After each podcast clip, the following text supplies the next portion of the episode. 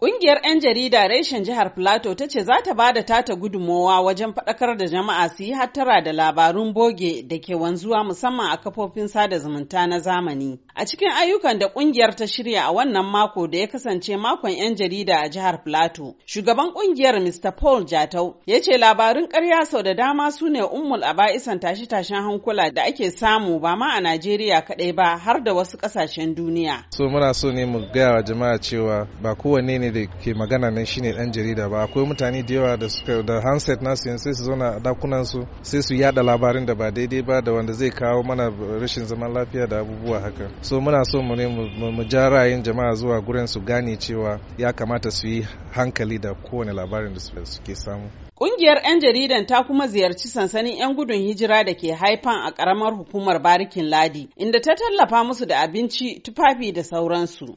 Mai magana da yawun 'yan gudun hijiran Mr. Iliya Makam, wanda ya nuna farin cikinsa da ziyarar 'yan jaridan, ya gabatar da bukatunsu kamar haka. Akwai mata masu ciki, rashin magunguna, akwai yara kuma da suna fama da cututtuka rashin magani, sannan kuma akwai masu hepatitis. Ba kowane abinci ne suke ci ba. Wani lokaci su samu abin da za su ci wani lokaci su kwana da yunwa don ba abinci su dinga nan. Muna addu'a da gwamnati domin ta koma da kowa a gidanta. Kwanakin baya mun ce mu koma gida. Still fulani in sun ga mutane su koma sai su sake ta harbi su sake sa mutane tsoro. Su koma domin ba jami'in tsaro. Ita ma Binta Bello ɗaya daga cikin 'yan gudun hijiran ta ce suna buƙatar abinci. Yanzu idan an ci abinci da da dare sai wani dare. Yara kuma su da da yi musu ko kunu wani lokaci a ba su ko ruwan shayi. Ga wurin kwanciya nan yana da sanyi ba kadan ba.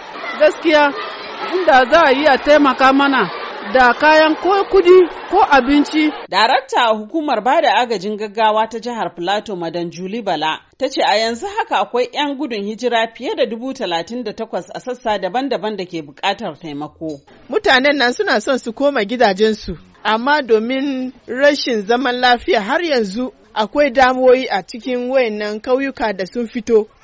Ba security ba sojoji ko polisawa wanda za su garanti safety nasu. Domin haka muna roko har yanzu gwamnati a yi ƙoƙari wadda za a samu security a wannan wuraren domin mutanen nan su koma gidajensu suna kuka abin da suke so yanzu shine su koma gidajensu kawai Ƙungiyar 'yan jaridan da ta ce ayyukan da za ta gudanar a wannan mako zai ba da dama ma mambobinta gudanar da wasanni da tattaunawa don inganta aikin jarida. Zainab Babaji, muryar Amurka daga Jos a Najeriya.